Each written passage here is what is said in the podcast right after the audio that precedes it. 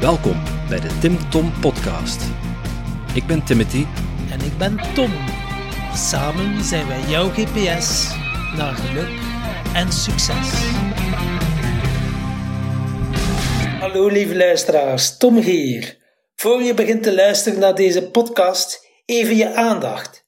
Timothy en ik hebben een cadeautje voor jou.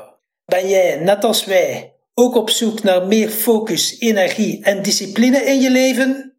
Dan heb ik goed nieuws. Speciaal voor jou hebben we onze leestips en mooiste inzichten verzameld in een handig e-book waarmee je direct aan de slag kan.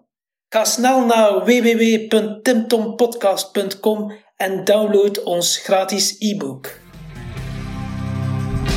Welkom bij route 16 van de Tim Tom Podcast. In deze aflevering spreken we met Anne de Brucker. Anne is een bijzondere vrouw en een creatieve duizendpoot. Anne is mede-zaakvoerster van een bedrijf in Natuursteen. Ze heeft haar eigen coachingspraktijk, Yukon, en ze schrijft boeken, gedichten en blogs. Anne heeft al heel wat meegemaakt in haar leven en ze vertelt hier openhartig over in onze podcast. Wat mij vooral is bijgebleven is haar antwoord op onze vraag: wat is voor jou de definitie van geluk? Anne die antwoordde: ik spreek minder over geluk, maar ik spreek meer over tevredenheid, want daar zit het woord vrede in. Vrede met de situatie, vrede met jezelf, vrede met je medemens. Een emotionele podcast vol wijze lessen. Nog één ding voor je begint te luisteren naar deze aflevering. Anne haar nieuwste boek is uit. Ik was het aan haar verschuldigd. En jij maakt kans op een gesigneerd exemplaar. Surf snel naar www.timtompodcast.com slash Anne en Anne is met dubbel N om kans te maken. Veel luisterplezier.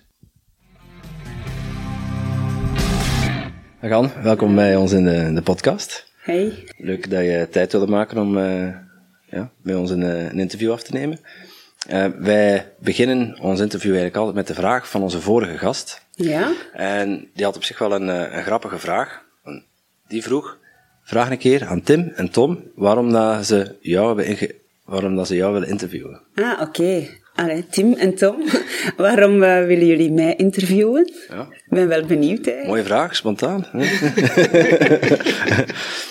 ja, wij zijn altijd op zoek naar interessante uh, en, en, leuke sprekers die, die een verhaal hebben, uh, die ons iets kunnen leren over geluk en succes.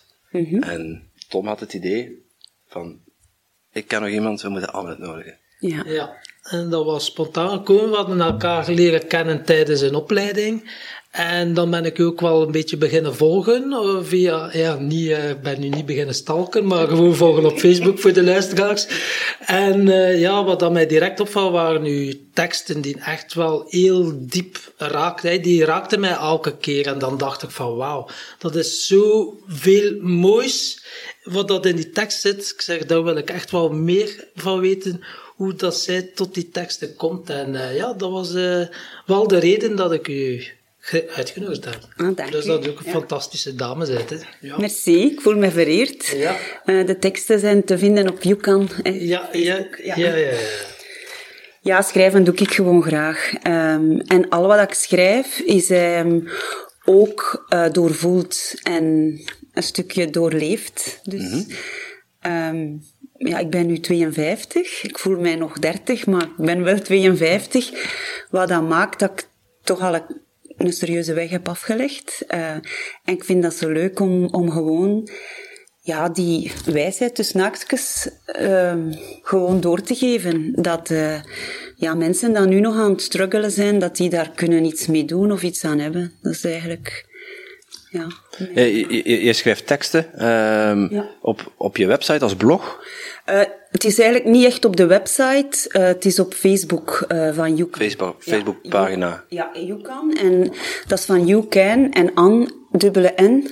Eh, dat is een samensmelting daarvan. Ja, nou, leuk bedacht. Ja, dank u.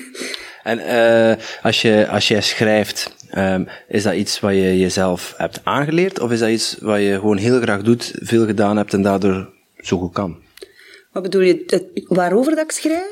Uh, eigenlijk de manier waarop dat je schrijft. De manier waarop. Um, het is zo, ik um, gun mezelf elke morgen een wandeling uh, in de natuur. En ik raak altijd wel door iets geïnspireerd. Um, ja, soms is dat een beeld in de natuur, soms is dat iemand dat ik tegenkom of iets waaraan dat ik moet denken. En dan pik ik die inspiratie mee op. Uh, ik pak die mee naar huis. Ik zet mij dan even een kwartier in mijn zetel en dan schrijf ik, uh, ik schrijf dat af. Mm Ik moet ook nooit corrigeren. Dat komt heel vlot. Dat komt alsof dat doorgegeven wordt op een of andere manier. Um, ja, en dan post ik dat. Ja. En jij schrijft iedere dag? Bijna, ja. Eigenlijk bijna. En, en wat voor boodschap wil je de mensen dan meegeven? Goh, een boodschap. Ik, um, ik, heb, ik heb niet echt een specifiek doel. Alleen is het wel mijn verlangen om, om uh, mensen terug in, in hun eigen kracht uh, ja, te zetten. Klinkt misschien raar. Uh, om, om hun eigen kracht terug te laten ontdekken. Ik geloof echt in de zelfhelende werking van ons lichaam en onze geest. En ik denk dat mensen tot veel meer, ik denk dat ik ben daarvan overtuigd, dat mensen tot veel meer in staat zijn dan dat ze zelf geloven op bepaalde momenten in hun leven. Uh, ik weet hoe dat is om heel diep te zitten. Ik heb ook uh, heel diep gezeten in bepaalde momenten van mijn leven. En um, ik heb nooit e-pilletje genomen. Ik heb, ik, allee, ik heb, ik heb eigenlijk altijd zelf door de moeilijkheden heen een weg gezocht. Ja. Oké. Okay. Niet anders verwoorden. En zo dat schrijven, wanneer is die fascinatie begonnen? Of wanneer ontdekte je van, oh, ik heb er eigenlijk wel talent voor om te schrijven? Goh, ik heb altijd graag geschreven. Um, eigenlijk in school werd uh, mijn, um, mijn uh, hoe noem dat, opstel toen, ja. was dat ja. geleden, in de Nederlandse les, mochten wij altijd de, de schonere ja. mochten altijd naar voren en hun opstel voorlezen. Dus ik was wel daar altijd bij. Maar omdat ik uh, in die periode overleefde en nog niet echt leefde, um, ja, wist ik totaal niet wie dat ik was, wat ik wou, wat ik graag deed. Ik was daar totaal niet mee bezig. Ik was gewoon puur aan het overleven. En ik heb dus eigenlijk geen richting gekozen rond schrijven, wat dat eigenlijk veel beter bij mij zou gepast hebben. Maar ik ben boekhouden fiscaliteit gaan doen. Oké, iets heel anders.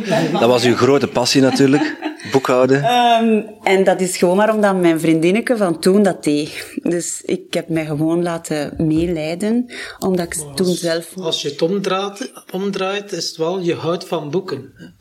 Boekhouder. Ja, ah, dat is mooi. ja. Hoe gaat, dat, hoe gaat de administratie dan omdraaien? dat is wel mooi. ja, eigenlijk wel. Maar, ja, ik, allee, en op, op zich, dat komt mij ook van pas. Hè. Ik bedoel, al, allee, ik, zie, ik zie dat niet als iets kwaads of zo. Hè. Ik kan dat. En allee, uh, ik doe dat. Mm -hmm. Ook nog, nu nog altijd. Um, maar ik heb dat uiteindelijk niet bewust gekozen. En zo ben ik lange tijd doorgegaan in mijn leven. Dus eigenlijk geen bewuste keuzes maken, maar als je niet kiest, kies eigenlijk ook. Ja. Alleen kies je dan meestal iets wat dan niet dicht bij je ligt. En laat een ander voor je kiezen. Dat is ook waar. Ja. Je, je zei net, uh, um, overleven. Uh, je, hebt, je hebt een tijd geleefd in overlevingsmodus. Ja. En een tijd heb je, nee, nu, denk ik dan, uh, je, deed je tussen aanhalingstekentjes. Kun je, kun je eens toelichten wat je ermee bedoelt? Um, ja, wat ik daar precies mee bedoel, um, overleven gaat bij mij zo van, um, ja, een masker dragen, niet echt ook weten wie dat je bent, wat dat je wilt, wat dat je graag doet, waar dat je blij van wordt, gewoon doen wat dat je geacht wordt te doen, wat dat je verondersteld wordt te doen, altijd zorgen voor iedereen rondom u. Um, en bij mij is er eigenlijk uh, een ommekeer gekomen toen iemand, ik had zo'n mentor en we schreven ook naar elkaar, ook weer schrijven.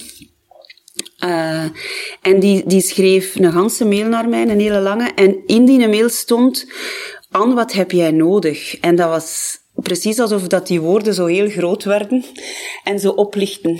Zo, dat, dat stond daar maar even groot als al de andere lettertjes, maar het was precies alsof dat die vet gedrukt waren en daaruit sprongen. En dat kwam echt volop binnen en ik dacht, ik weet eigenlijk niet wat ik nodig heb. Ik heb daar nog nooit bij stilgestaan. Ik weet altijd wat dat iedereen rondom mij nodig heeft, maar ik weet totaal niet wat ik nodig heb. Um, ja, een burn-out heb ik nooit gehad, maar ik ben ook niet de persoon om, om mij daar dan te zetten en stil te staan. Ik ga dan in daadkracht. Dus ik ben dan eigenlijk zelf beginnen wandelen in de natuur, tijd maken voor mezelf, uh, zelfzorg doen en ondertussen hard blijven werken.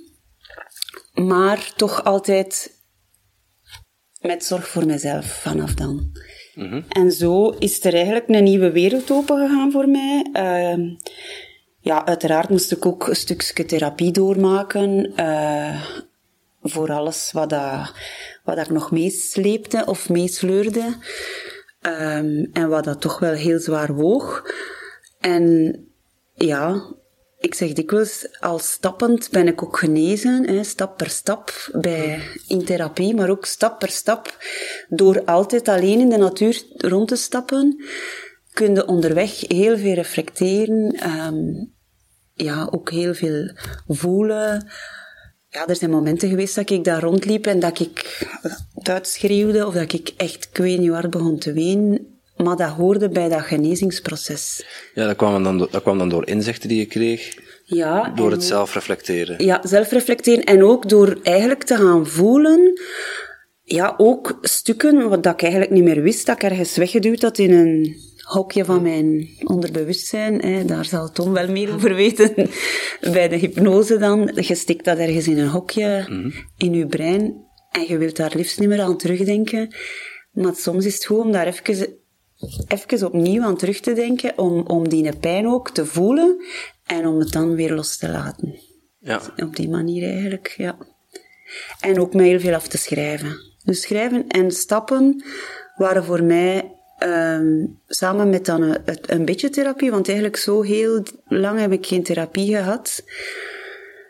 Ja, waren voor mij eigenlijk de grootste geneesmiddelen, zal ik maar zeggen. En zo rond welke, rond welke levensfase zitten we nu? Um, ik denk, um, wacht, mijn man en ik zijn even uit elkaar geweest, dan was ik uh, eh, 31, dus dan is eigenlijk al het eerste stuk begonnen van uh, reflecteren en doordenken en waarom voel ik nu zoveel verdriet? Want dat is niet alleen het verdriet over onze relatie, daar komt precies zo een gans pak bij dat mij overspoelt. Uh, dus dan is een eerste stuk gebeurd. We zijn dan eigenlijk terug samengekomen. En een tweede stuk is eigenlijk geweest, um, ja, van mijn 40 tot mijn 45, zoiets, denk ik.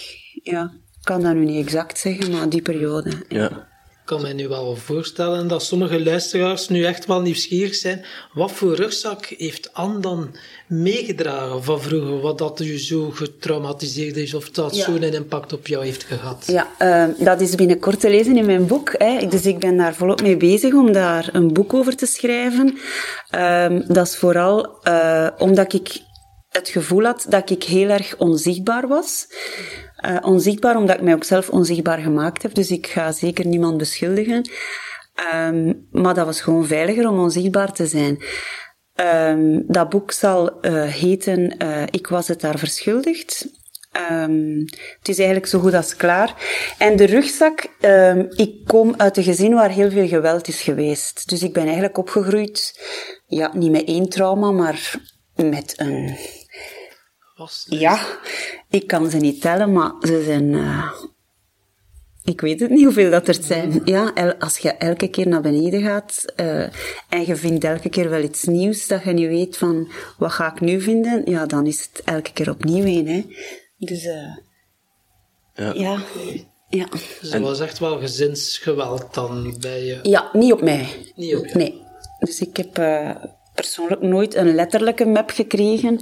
Maar ik zeg altijd, ik heb er uh, evenveel gevoeld als mijn mama. Hè? Want je voelt dat als kind wel. Ja, die spanning hangt, hangt daar toch. En je, je ziet dat. En, ja. ja, plus dat niet alleen, uh, goh, niet alleen zien is, maar je, je, je durft niet slapen. Omdat je altijd attent zit van wat gaat er nu weer gebeuren. Um, ja, je wordt een beetje de redder van. Hè? Want uh, ook al zijn je nog zo klein, je denkt van ik moet naar beneden, want ik moet tussenkomen. Ik moet uh, zorgen dat er niet nog iets ergers gebeurt. Dus je leeft eigenlijk een beetje, goh, hoe moet ik dat verwoorden, um, met het idee van ja, misschien is ze er op een dag niet meer. En wat dan? Hè? Want dan betekent dat je geen mama meer hebt, maar ook geen papa. Want dan zou die misschien naar de gevangenis moeten. Allee, als kind denkt je dan de ergste scenario's, zou ik maar zeggen.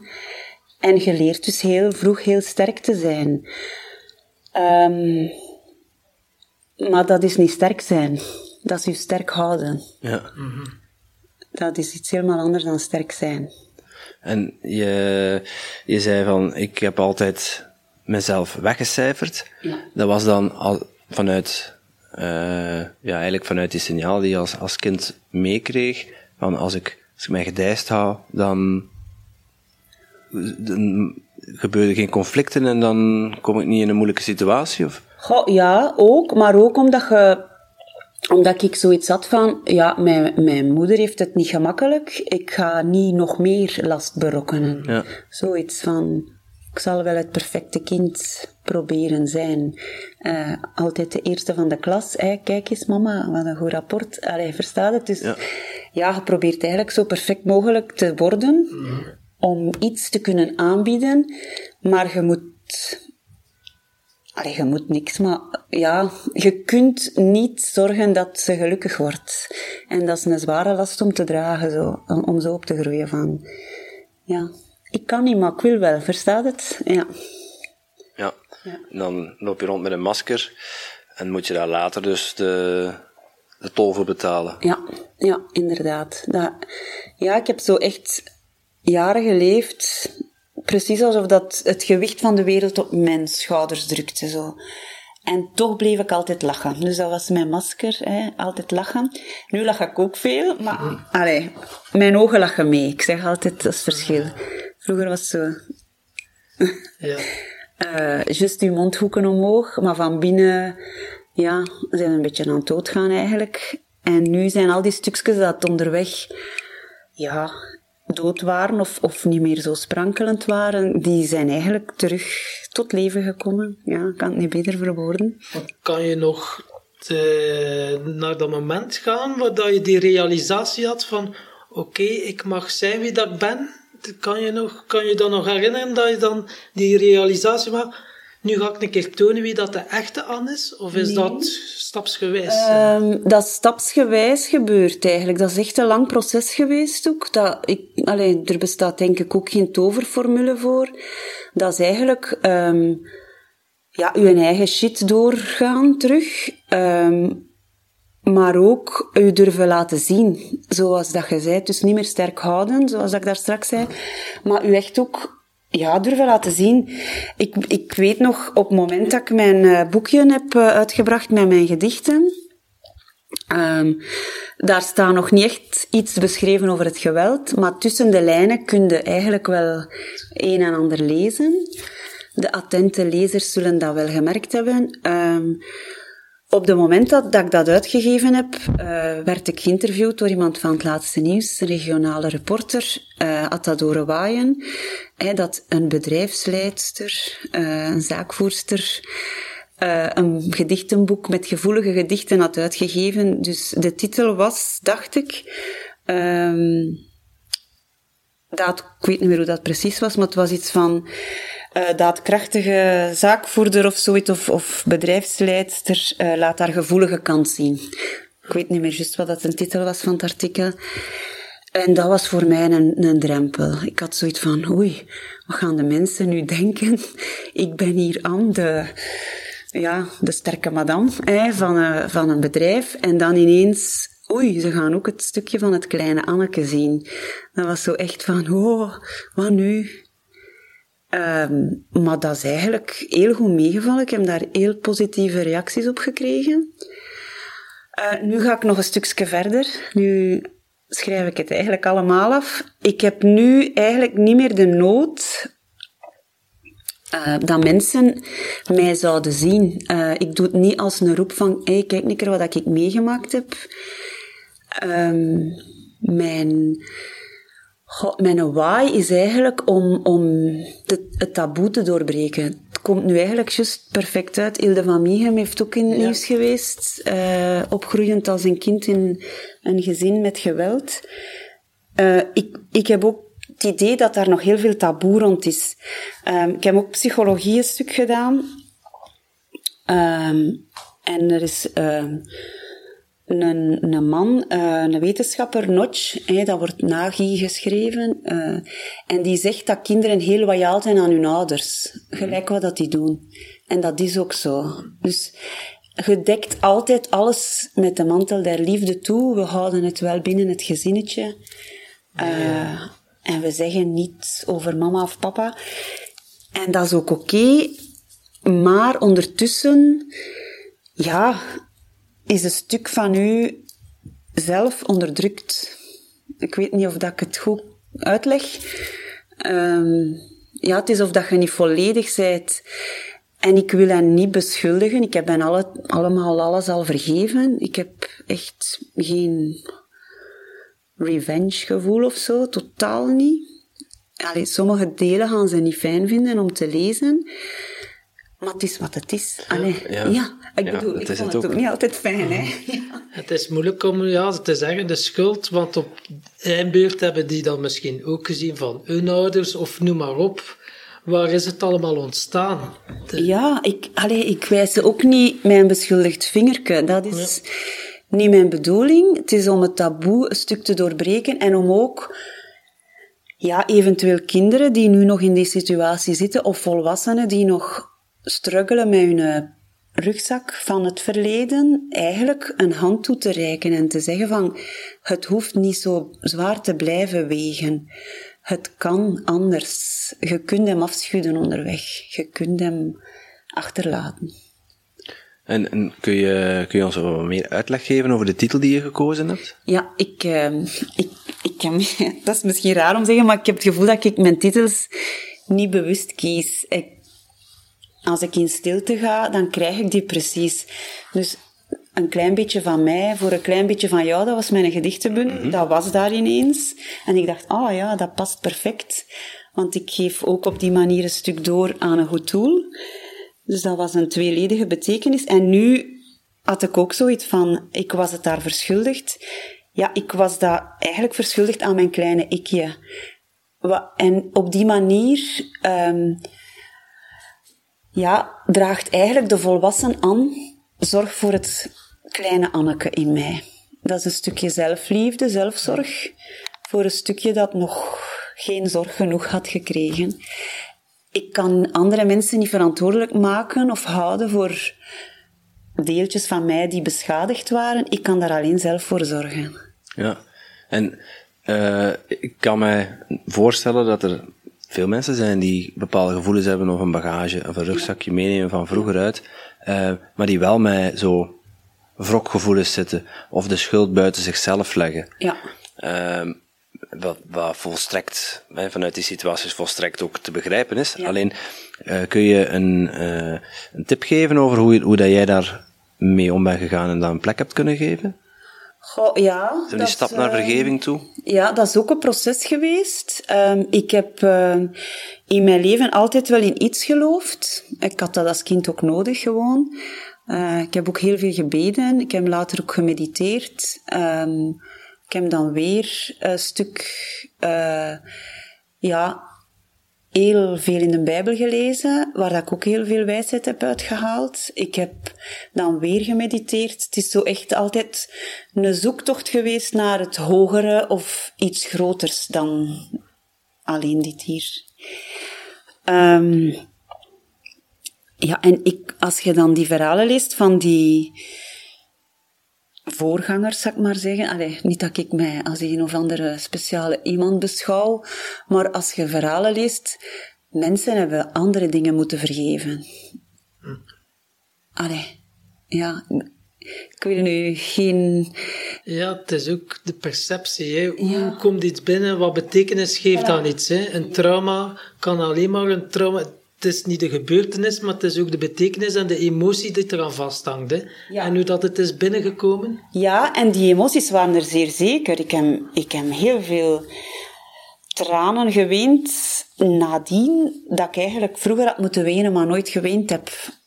Die stapelen zich ergens op en op het moment dat die kraan open gaat, gaat ze open en kun je dus ook even niet stoppen. Ja. En dat is ook goed. Hè? Ik zeg altijd, als ze er zitten, moeten ze eruit. Anders worden ze ziek. Ik geloof echt, als je iets wegstopt van emotie en je drukt het weg, ik geloof daarin dat je dan ziek wordt. Ehm, ik zie zelf ook uh, in mensen dat coach dat CVS, uh, fibromyalgie, al die auto-immuniteitsziekten, dat dat heel vaak mensen zijn die trauma's meedragen. Um, ik heb zelf ook een bloedonderzoek gehad. Mijn cortisolwaarden en mijn leverwaarden waren heel slecht op een bepaald moment. En ik heb mij ook de vraag gesteld, hoe komt dat? Ik heb me daarin verdiept en cortisol uh, is uw stresslevel. Mm. Allee, dat kun je zo een beetje zien.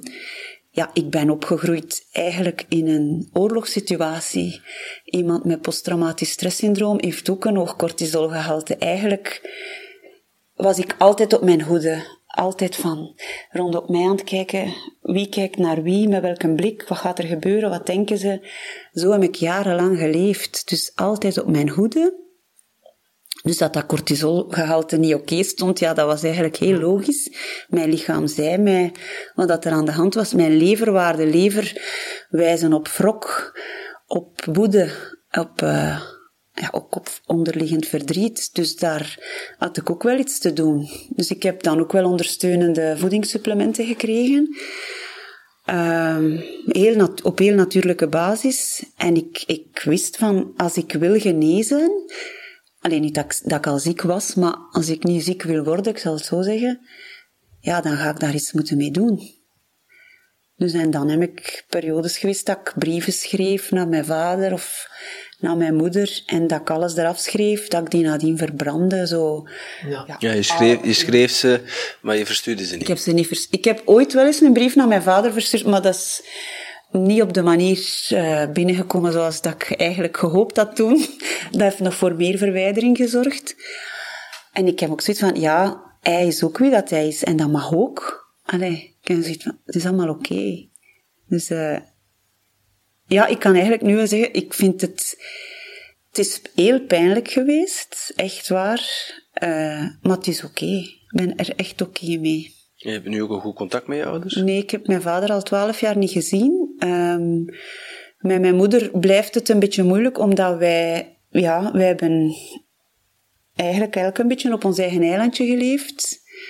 Um, ik, heb, allee, ik heb gewoon contact met mijn moeder, maar ik zie ze nog regelmatig, maar ze zegt altijd dat ze mij moeilijk begrijpt. En ik, ja, ik begrijp haar ook.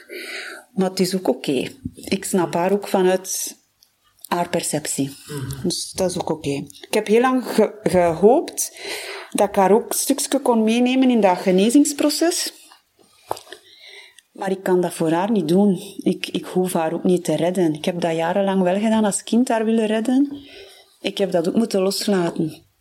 Zij mag ook zijn wie dat is. En het is ook oké. Ja, ieder zijn eigen strijd, zeg je dan. Goh, als, nee, ik heb zoiets van, als zij, als zij daar niet aan toe is en ze kiest daarvoor om dat niet te doen en om dat een stukje te onderdrukken, dat is ook oké. Iedereen mag zijn eigen keuzes maken. Ik vind niet dat, dat ik daarmee wil zeggen, ieder zijn eigen strijd. Ik wil haar gerust een hand toe gooien als ze ze aanreikt, maar als ze ze niet aanreikt, moet ik haar ook niet meesleuren. Nee, ja, ja. Je mag kiezen. Ja, ik bedoel, strijd ook niet als een, uh, als een gevecht, maar meer als een, als een stuk, ja. Ja, ja ik, het is zeker geen gevecht. Um, het enige wat ik wel merk is, um, als zij daarover vertelt, dat dat bij haar nog niet verwerkt is, en dat ik daar dan niet meer in meega. Mm -hmm. Dus dat ik mezelf daar een stukje moet in beschermen. Ja.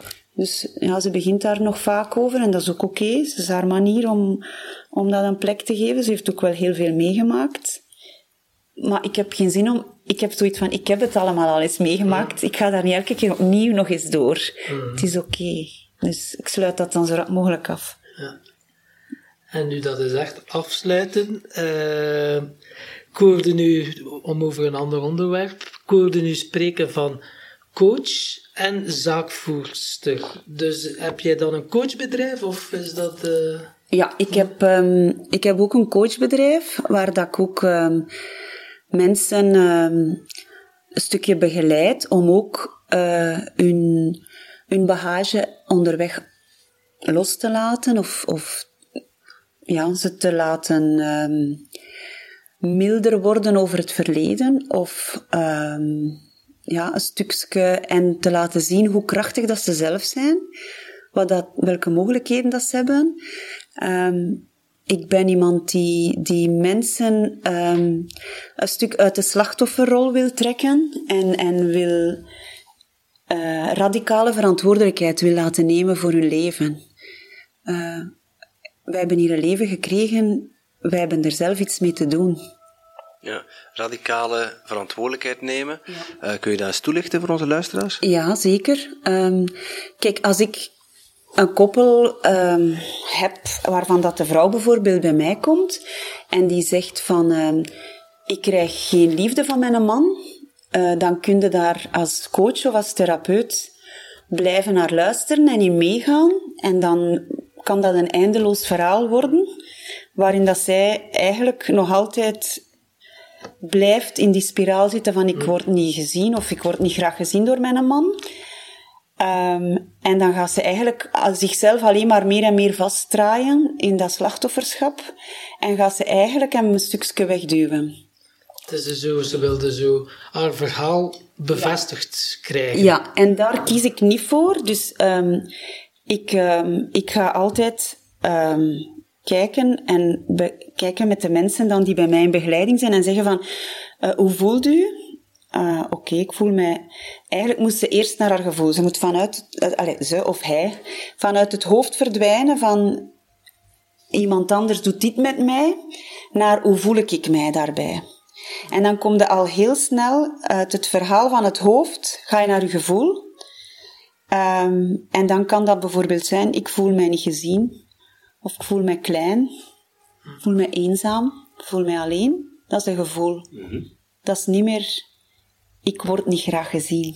Hoort het verschil? Mm -hmm. Dan blijf je bij jezelf, ik voel dat. En dan kun je van daaruit naar een nood. Wat heb ik eigenlijk nodig? Ik heb liefde nodig, ik heb aandacht nodig. Ja, en wie kan daar verantwoordelijkheid voor nemen? Jijzelf. Dus als jij liefde nodig hebt, begint misschien met de vraag, hoe kan ik mezelf graag zien? Wat heb ik daarvoor nodig? Ja. Jij alleen hebt iets mogelijkheden in handen. Je kunt een ander niet veranderen. Als jij aandacht nodig hebt, ja, misschien is het dan goed om eens aandacht aan jezelf te besteden. Om zoals dat ik gedaan had, ik had aandacht nodig om te gaan wandelen. Tijd te maken voor jezelf. En die vervreemding dat je hebt met jezelf, een stukje weg te werken en dichter bij jezelf te komen en te voelen van, wat gebeurt er hier met mij? Waarom voel ik mij hoe dat ik mij voel? Waarom ben ik nu zo kwaad op die persoon? Wat doet die met mij? Waarom triggert die mij? En altijd terug naar jezelf. Wat kan ik daaraan doen? Ja, dus ik hoor jou zeggen, um, één, luister, voel wat voor emoties er in je opkomen.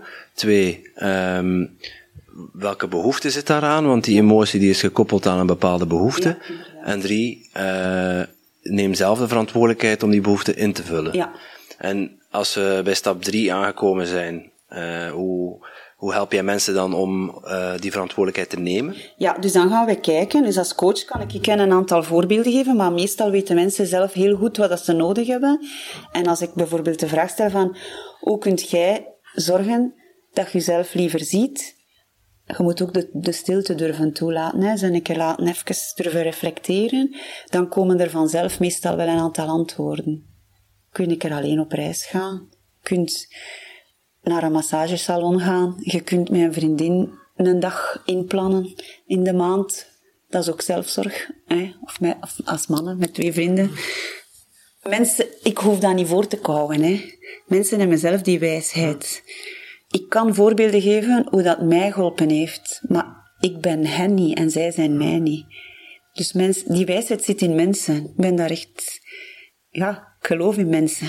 Ja, maar ze komen niet van iets uh, bij jou terecht, bij, want ze zijn op zoek naar een coach die hen daarin begeleidt. Ja. Ja. Denk ik, ja. Ik begeleid ze, ja. ik stel hen prikkelende vragen. Ik confronteer hen ook soms. Dus ik ga ze altijd weer bij zichzelf brengen. En dat is de enige sleutel tot verandering. Ik geloof niet dat dat ik kan maken, stel dat ik een moeilijke relatie zou hebben met mijn man, wat dat gelukkig nu niet meer zo is, dat is wel zo geweest. Ik kan hem niet veranderen. Ik kan alleen maar de manier waarop dat ik naar hem kijk veranderen en de, mezelf geven wat ik nodig heb op dat moment. Ik kan hem niet verplichten van, zie mij nu graag op die manier, dan is dat geen liefde. Dan is dat een eis. Dat heeft niks met liefde te maken. Liefde is vrijheid. Ik kan niemand dwingen om iets te doen, dan, dan is dat geen liefde. Allee, zo zie ik het, hè. Ja. Ja, want als je de, je verantwoordelijkheid afgeeft uiteindelijk en uh, wilt hebben als de dienen dat doet, dan voel ik mij gelukkig, ja, dan heb je het nooit onder controle uiteindelijk. Hè. Nee, dan wordt dat ook een heel afhankelijke relatie. En eigenlijk is dat ook niet zo gezond, hè, want stel dat die persoon wegvalt, wat dan met u? Wie zei dat dan nog? Ja. ja. Dat is dan dus meer de codependency. Dus ja, dat zie je veel bij verslaafde mensen. Dan gaat er wel altijd een persoon een andere persoon zijn, een zorgzaam persoon. Ja. Maar die gaan ook wel altijd dezelfde soort mensen uitdragen, want die kunnen niet zonder elkaar. Ze hebben iemand nodig om voor te kunnen zorgen. En dan de verslaafde, ja, die moet verzorgd worden ja. uiteindelijk. Ja, ik vind dat mooi dat je dat zegt, omdat ik soms eens naar die programma's kijk.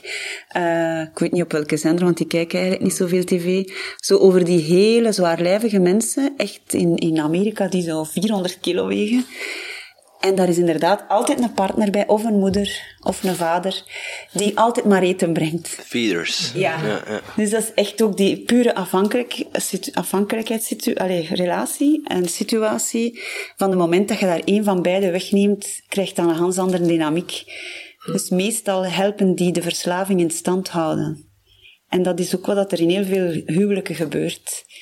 De, ja, de ene... Uh, helpt soms de anderen iets mee in stand houden, of al is het alleen maar de nood op bepaalde dingen. En als jij mij dat geeft, geef ik u dat.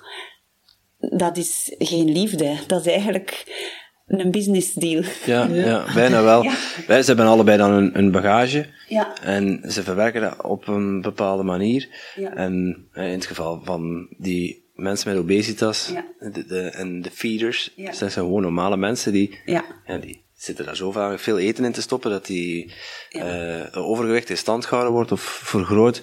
Maar die hebben, halen daar ook voldoening uit. Ja. Dus de, de ontvanger haalt er veel voldoening uit en de, en de gever ook. Ja, de behoeftes worden... heeft het nodig dat iemand hem nodig heeft. Ja. Dat is het juist. De behoeftes worden bij beide vervuld. Ja, en, Ple please gedrag. Ja, en dat is dus eigenlijk een visieuze cirkel waar dat je niet uit geraakt. Hè. Ik vind dat eigenlijk super boeiend om naar te kijken. Ja. En is, is dat dan de, uh, de emotie die erachter zit uh, bij mensen? Uh, tekort aan liefde of ja, willen pleasen? Hoe achterhaal je dan wat voor behoefte er achter een bepaalde emotie zit? Eigenlijk weten ze dat ook zelf. Um, dus je vertrekt altijd van hoe voel ik mij nu en hoe wil ik mij eigenlijk graag voelen. En de weg daar naartoe zijn behoeftes, onvervulde behoeftes. Ik, wil, ik ben nu, ik zeg maar iets, ik, ik voel mij nu uh, eenzaam en ik wil mij geborgen voelen. Wat is de weg daar naartoe? Aandacht, communicatie, kan ook uh, uh, zorg, tijd, rust soms. Mensen die uitgeput zijn. Rust, gewoon een keer rust. Gun jezelf een beetje rust. Werkverslaafd is ook een verslaving, hè? Ja, dus voor onze luisteraars, het mag van Anne. Neem af en toe een keer rust. Ja, zeker. Ja, gun jezelf dat ook zonder schuldgevoel. Schuldgevoelens zijn trouwens voor niks goed. Ja, die brengen je ook alleen maar in een negatieve spiraal. Ja, ofwel leer er iets uit, ofwel laat het los. Maar schuldgevoel zijn mensen die 50 jaar lang een schuldgevoel meedragen. Dan heb ik zoiets van, hoe zwaar gaat dat ook wegen op den duur? Kun je dan zeggen, oké, okay, een rustmomentje, dus ja. je hebt een, een coachingspraktijk, maar je bent dan ook nog za zaakvoerster. Dus de coachingspraktijk is niet je fulltime job, als nee. ik het goed begrijp. Op deze moment uh, ben ik één dag in de week aan het coachen. En uh, ben ik vier dagen in de week medezaakvoerder van een natuursteenbedrijf. Um, dus ja, dat is echt wel best stevig werken. Ja. Um, ik doe dat ook wel graag. Um, dus op, op termijn is de bedoeling dat ik nog iets meer ga coachen. Uh, maar ik denk, zoals ik het nu zie, een mens evolueert, maar zoals ik het nu zie, zou ik het alle twee 50-50 uh, willen doen. Ehm, ik heb daar ook wel iets te betekenen daar. Dus ik ben daar ook niet voor niks geplaatst, zo zie ik het dan. En eigenlijk, mijn man en ik zijn ook wel een goed team. Uh, samen, wij zijn heel complementair. Waardoor dat wij dat eigenlijk op, op een fijne manier nu kunnen leiden. Dat heeft ook echt wel heel lang geduurd voordat dat ja, eigenlijk allemaal zo heel goed draaide. Um, dat iedereen zijn plek gevonden had. Maar nu hebben we een echt een goed team. En ik vind dat eigenlijk ook wel een fijn stuk. Dus dat is een ander stuk van mij. Ja, dat daar dan kan ontwikkeld worden of, of kan zijn wie dat is. de ondernemende aan. De ja, ik ben een heel daadkrachtige vrouw. En ik schrijf daar dus ook nog bij, dus dat zijn eigenlijk drie facetten van mij en dat mag er allemaal zijn. En een dag heeft 24 uur en dan heb je ook nog rustmomenten dat je kunt inplannen. Ja, en dankzij die rustmomenten, en ik ga ook veel sporten, okay. dankzij die zorg voor mijn eigen heb ik zoveel energie. Dus vroeger was ik heel vaak moe en had ik heel veel slaap nodig omdat ik zoveel bagage meedroeg. Als je bagage kunt loslaten, ja, je springt door de dag eigenlijk. Je, je bent ook heel efficiënt, want anders wilde iets doen, maar ondertussen die emoties zitten in de weg en die gedachten zitten in de weg. Maar bij mij zit er eigenlijk weinig in de weg, want ik begin mijn dag met mijn wandeling. Dus als er iets in de weg zit, dan pak ik dat eerst aan, s morgens. Dus tegen dat ik op het werk ben, ja, kun je eigenlijk met een clean sheet beginnen bijna, bij manier van spreken. Verstaan we dat ik wil zeggen? Ik heb... Ja, alleen, daar, zit, daar zit natuurlijk wel wat oefening in. Ja. Um, want het is niet zo van, ah ja, ik, uh, ik voel me een beetje boos en uh, dat ligt daar en daaraan. Ik heb een behoefte om, ja, om, om een bepaalde manier uit te drukken.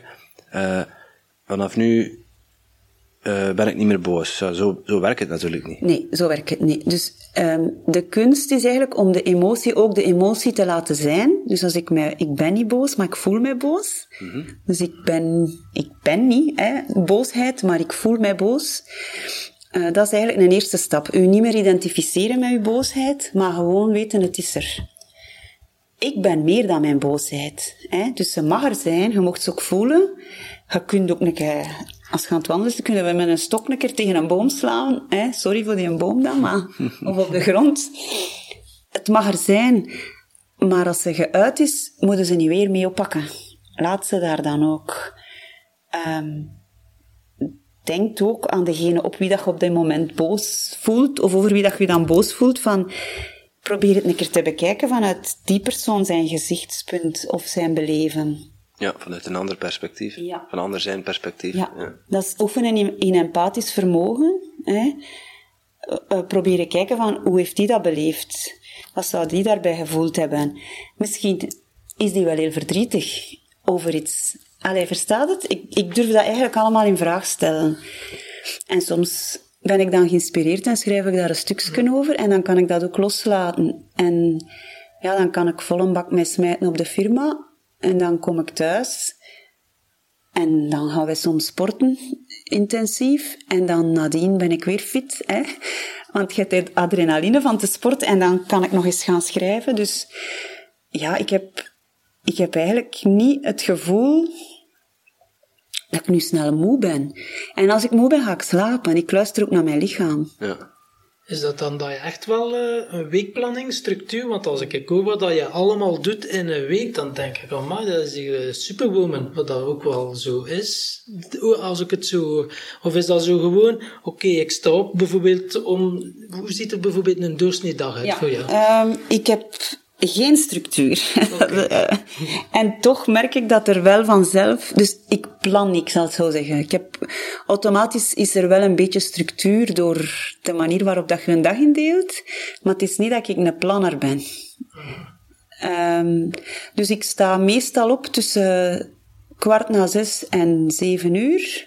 Behalve op donderdag, dan ga ik naar BNI morgens. Um, dus dan sta ik om vijf uur op. Um, ik, ik heb de luxe, of ik gun mezelf de luxe om op een rustige manier te starten. Dus ik, ik bereid alles voor, van eten en zo. Ik eet ook gezond. En dan ga ik met de hondjes wandelen. Dus dat is toch wel een half uur wandeling elke dag. En dan schrijf ik ook nog even. Dus ik vertrek meestal rond negen uur naar de firma. Uh, soms als ik heel veel nood heb aan schrijven of verwerken, is dat ook een keer half tien. Ik heb die vrijheid ook. Gelukkig is mijn man een ochtendmens, dus die is daar om zeven uur al volop bezig met het team. Um, en ik start dus later. Um, en dan ben ik daar meestal tot gauw zes uur, soms een keer half zeven. Um, en dan ga ik naar huis. En ofwel twee keer in de week gaan we dan sporten, ofwel blijven we gewoon thuis, of is er nog een lezing of uh, uh, iets dat ik graag volg, ofwel heb ik nog een coaching. Uh, mijn coachings kan ik ook, ik heb ook die vrijheid, doordat ik zaakvoerder ben, medezaakvoerder, dus ben niet alleen verantwoordelijk, kan ik ook uh, samen met mijn man inplannen van de coachings overdag te doen. En te zeggen van bijvoorbeeld dinsdag houd ik nu sowieso vrij voor te coachen. Maar is er iemand die bijvoorbeeld alleen op vrijdag kan komen, dan is het gewoon afstemmen. Ja, dat is flexibel. Ja, ja, en dan, uh, dan zorgt hij dat hij daar zeker is, dat hij geen opmetingen of zo heeft. En dan kan ik naar huis gaan om te coachen. Wat ik wel heel belangrijk vind, is dat ik, um, als ik coachings heb, uh, dat ik eerst een uur, toch zeker drie kwartier um, tussenlaat tussen het bedrijf en de activiteiten dat ik daar doe en de coaching. Ik vind niet dat ik gestresseerd of allez, in de modus van het andere werk uh, iemand kan ontvangen. Ik wil daar echt um, ja, 100% aanwezig zijn en kunnen luisteren, maar ook kunnen tussen de lijnen luisteren en kunnen voelen. Dus ik wil daar zuiver zijn, dat zo zeggen. Ja. En ik hoorde je net zeggen van op donderdag sta ik vroeger op, dan ga ik naar BNI. Ja. Um, voor de luisteraars die niet weten wat BNI is, kun je daar kort iets over toelichten? En waarom dat je daar naartoe gaat? BNI is een netwerkorganisatie van uh, ondernemers. Wij uh, komen één keer in de week samen. Uh, ik doe dat daar niet in naam van de coaching, maar in naam van Moens Natuursteen, hè, ons, ons ander bedrijf. Um, en um, eigenlijk, het is geven loont, is ja, waar dat voor staat. Dus ik geef u werk. Eh, jij bent bijvoorbeeld uh, iemand dat glazen verkoopt. Ik geef u werk omdat ik weet dat jij goed werk levert. We kennen elkaar ook heel goed. We komen wekelijks samen. Jij geeft die en dat auto's verkoopt bijvoorbeeld werk. Die en dat auto's verkoopt geeft bijvoorbeeld, um, ik zeg maar iets, een boekhouder werk. En die boekhouder heeft in natuursteen nodig of iemand van zijn familie en die beveelt mij aan. Dus eigenlijk kunnen elkaar aanbevelen en zijn mekaars verkopers een beetje. Dus dat is waar dat om draait. Maar dat is vooral netwerken. En dat is ook iets dat ik heel graag doe. Uh, ja, ik ben een mens-mens. Dus ik hou van ontmoetingen en, en van gesprekken, van diepgaande gesprekken ook.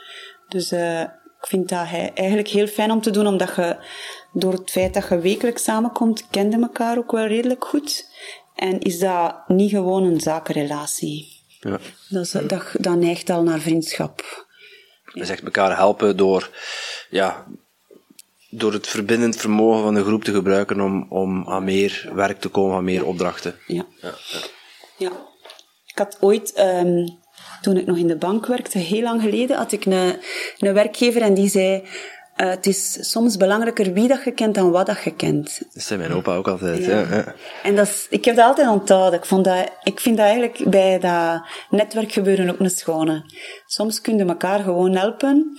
Allee, het is ook belangrijk wat dat je kent. Hè. Ik, ik durf echt stellen dat wij een heel goed team hebben. Wij hebben allemaal professionele mensen in huis. Dus dat blijft ook alleen maar duren als je goed werk levert. Hè. Maar, Uiteindelijk wel, hè? Ja, maar ik versta wat dat hij wil zeggen. En uw opa dus ook, ja. ja. Hij was ook een wijze mens. Ja, hij is er nog, maar... Uh, ah, ja. Ja, is, ja. Dat is waar. Ja. Onze podcast gaat over geluk en succes. En we hebben altijd twee vragen voor onze gast, die een standaard zijn. Mm -hmm. Wat is voor jou de definitie van geluk en de definitie van succes? Goh, uh, ik moet dat hier zomaar uit mijn mouw slaan. Graag. Um, we zijn heel erg benieuwd namelijk. Ja. ik kan mij voorstellen, je hebt waarschijnlijk al veel definities ja. gekregen. Um, goh, ik vind op zich spreek ik eigenlijk minder over geluk en meer over tevredenheid. Ik vind dat een nuanceverschil. Uh, geluk lijkt zoiets groots dat je moeilijk te pakken krijgt. Ehm, ik post bijvoorbeeld zelf persoonlijk dan ook regelmatig kleine geluksjes. Van, ik kan heel fel ontroerd zijn door hele kleine geluksjes, dat ik dat dan noem. Ehm, maar ik vind tevreden belangrijk. Uh, daar zit het woord vrede in. Hè. Uh, heb de vrede met de situatie. Heb de vrede met jezelf. Heb de vrede met je medemens. Um, en ik, ik, ik zie een correlatie tussen dankbaarheid en tevredenheid. Ik ben iemand die heel veel dankbaarheid heeft, ook heel dankbaar is voor veel dingen. Ik dank ook gewoon heel veel mensen. Ik zeg dat ook dikwijls echt van dank u. Eh, ook aan jullie, dank u, dat gaan me denkt. Um, maar ik zeg dat ook dikwijls gewoon naar boven. Eh, God, de kosmos, gelijk hoe dat je het noemt, dank u. Uh, als ik een, een schone zonsondergang zie, een regenboog, ik stop met de auto, ik zet me aan de kant, dat kan me niet schelen wat dat achter mij denken, en ik pak een foto en ik geniet van het moment. Um, ik denk dat dat begonnen is als overlevingsstrategie. Ik ben als kind, uh, zoals dat je weet, um, dikwijls in situaties beland, of ik, ik bevond mij in situaties waar, dat ik, waar dat ik het niet zo fijn had. En um, ik ging eigenlijk altijd op zoek naar kleine mooie dingetjes om, om te overleven waarschijnlijk. Um, en, en zo herinner ik, ik zie echt mezelf zitten in een grasveld, um, volop aan het zoeken naar klaverkesvier. En ik vond die ongelooflijk veel. En ik vind die nog altijd superveel. Dus ik, ik, um, ik had toen het kinderlijk geloof van, er zorgt iets of iemand voor mij en ik ga het geluk vinden. En um, ja, dat klinkt misschien nog hotijn, maar ik heb wel het gevoel dat ik het gevonden heb. um, en dat wil niet zeggen dat ik nooit ongelukkig ben. Hè. Uh, allee, ik kan echt nog soms diep gaan. Hè. Ik, ik kan echt nog ja, echt diep gaan en dat mag er ook zijn. Maar juist dat ook te aanvaarden. Ja, dus voor, voor jou is het leven vanuit dankbaarheid. Ja. Um, ja, tevreden, en tevredenheid. En dat samen zorgt voor u voor een geluksgevoel. Ja. Omschrijf ik het zo goed? Of? Ja, en dat is niet dat ik altijd op de toppen score. Ik zit soms ook nog heel diep. Maar ik laat het gevoel van tevredenheid en dankbaarheid overheersen of, of meer doorwegen. Kijk, en ik heb, ik heb later ook nog serieuze drama's meegemaakt, als ik het zo mag stellen. Uh, ons dochter is bijvoorbeeld in haar gezichtje gebeten door ons hond. Dat heeft, uh, ja, toch wel redelijk wat voeten in de aarde gehad, zou ik zeggen, voordat dat eigenlijk helemaal terug allemaal oké was. En ik voelde mij daar als mama heel onzeker over, want je verliest alle controle op dat moment. Dat is je kind, het meest kwetsbaarste waar dat je kwetsbaar kunt in zijn. En je moet dat ook wel weer verwerken. Dus ja, ik durfde dan ook mijn pijn toe te laten en mijn onmacht en mijn frustratie en mijn kwaadheid, want ik was kwaad. Ik had zoiets naar, naar hierboven toe van... Ik kan nu niet vloeken voor uh, de opname, maar... Hè, het is toegestaan hoor.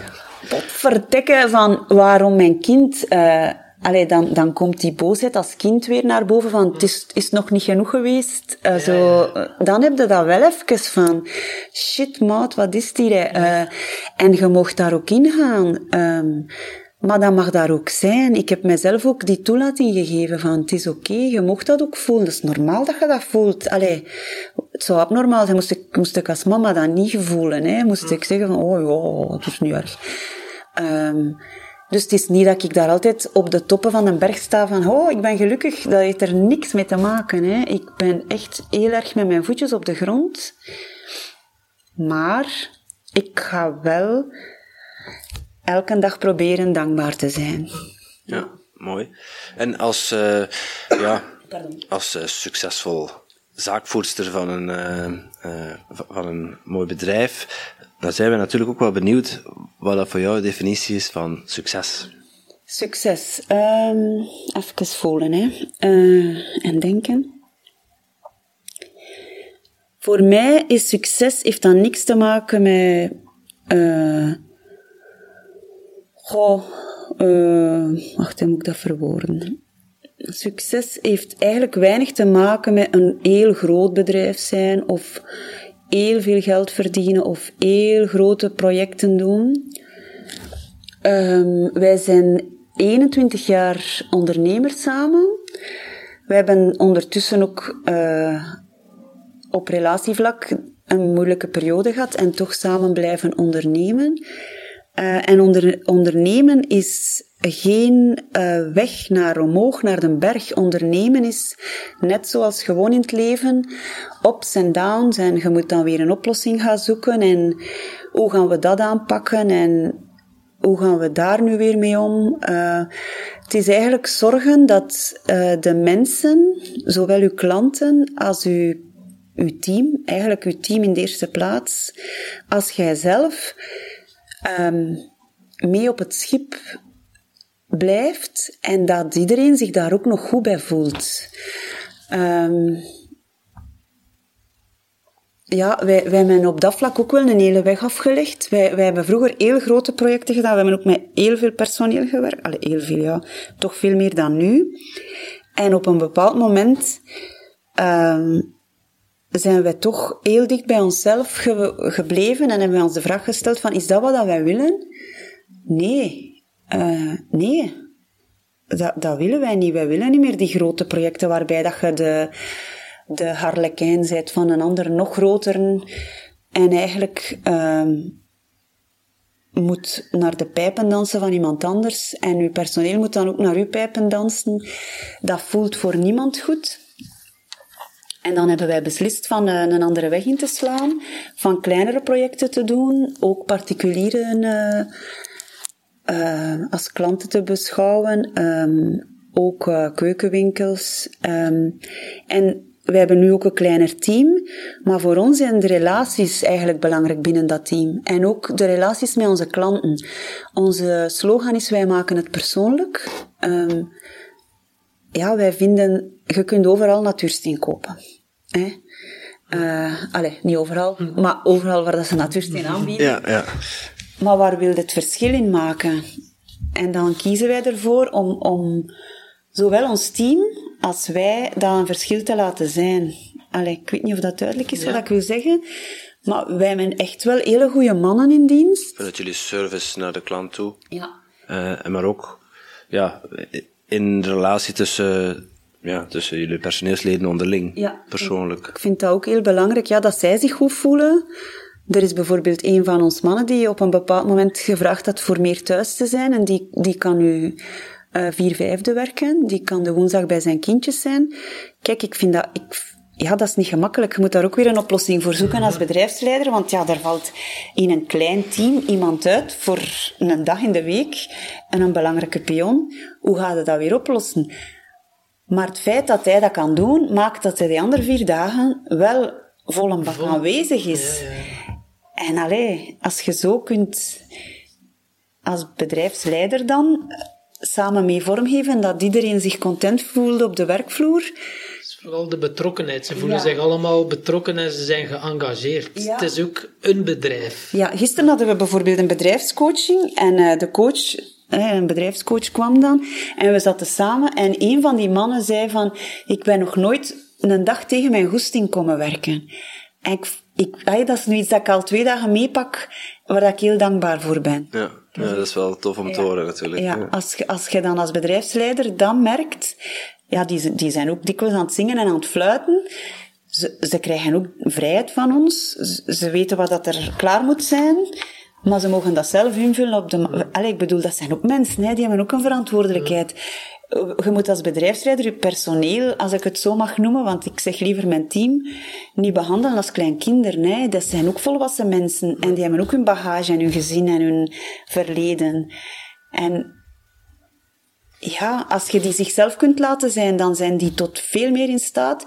En dan helpen zij u eigenlijk mee naar, naar een, een betere versie van uw bedrijf, zou ik maar zeggen. Ja, Ja, en zij zijn ook voor een deel je visitekaartje natuurlijk. tuurlijk.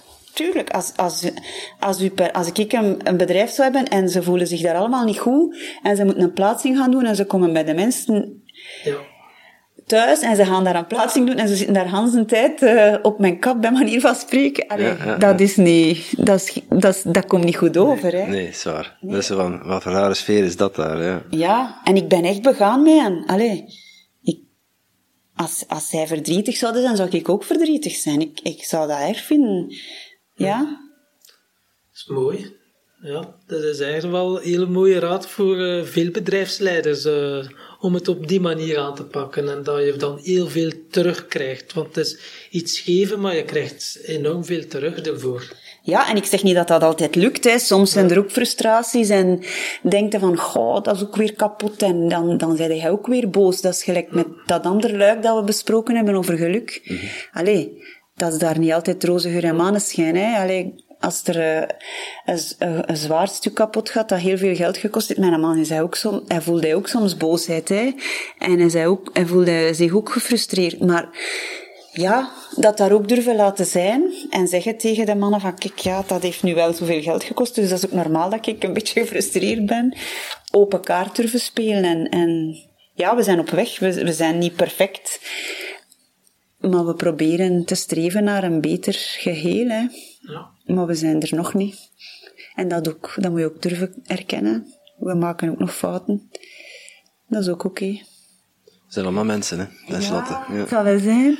Ehm, als mensen meer informatie willen over, ehm, over u, over u, eh, je hebt de, de Facebookpagina al genoemd, Ja, you can. Ja, Mhm. met dubbel N.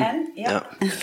Ehm, als, ze, als ze geïnteresseerd zijn in, in wat je doet van, van, van coachingspraktijk, waar kunnen ze dan terecht? Ja, op de website www.youcan.be kunnen zij ook terecht. Eh, en via de website kunnen ze eventueel ook een afspraak maken. En binnenkort is mijn boeker, dus eh, moesten ze geïnteresseerd zijn. Dan kan dat misschien eh, ook eh, helpen voor hen. Wie weet. Ja. Ehm, wij sluiten de podcast altijd af met hetgeen waar we mee beginnen, bij de volgende gast. Namelijk eh, aan u de eer om een vraag te bedenken voor onze volgende gast. Ehm, ik, ehm, ik zou hem of haar, ik weet niet wie dat is, ehm, Het is een hem. het is een hem, Ja. durven uitdagen met de vraag van, wat zou je eigenlijk nog heel graag doen voordat je sterft? Oké, Oké, mooi. mooi. Tot slot nog een, eh, nog een wijze boodschap of eh, een laatste, laatste woordje om de podcast af te ronden. Ehm, ja, als ik eh, een wijze boodschap mag geven, ehm, Graag. probeer elke dag iets te zoeken waar dat je dankbaar voor bent. En ehm, ja, straal dat ook uit naar anderen toe. Het, het werkt. En eens dat je die dankbaarheid eigen kunt maken, trekt je ook veel meer dingen aan om dankbaar voor te zijn. Het is eigenlijk een sneeuwbaleffect. Mooie Ja, woorden. geweldig. Dankjewel. Dankjewel, Anne. Jullie bedankt voor aan mij te denken.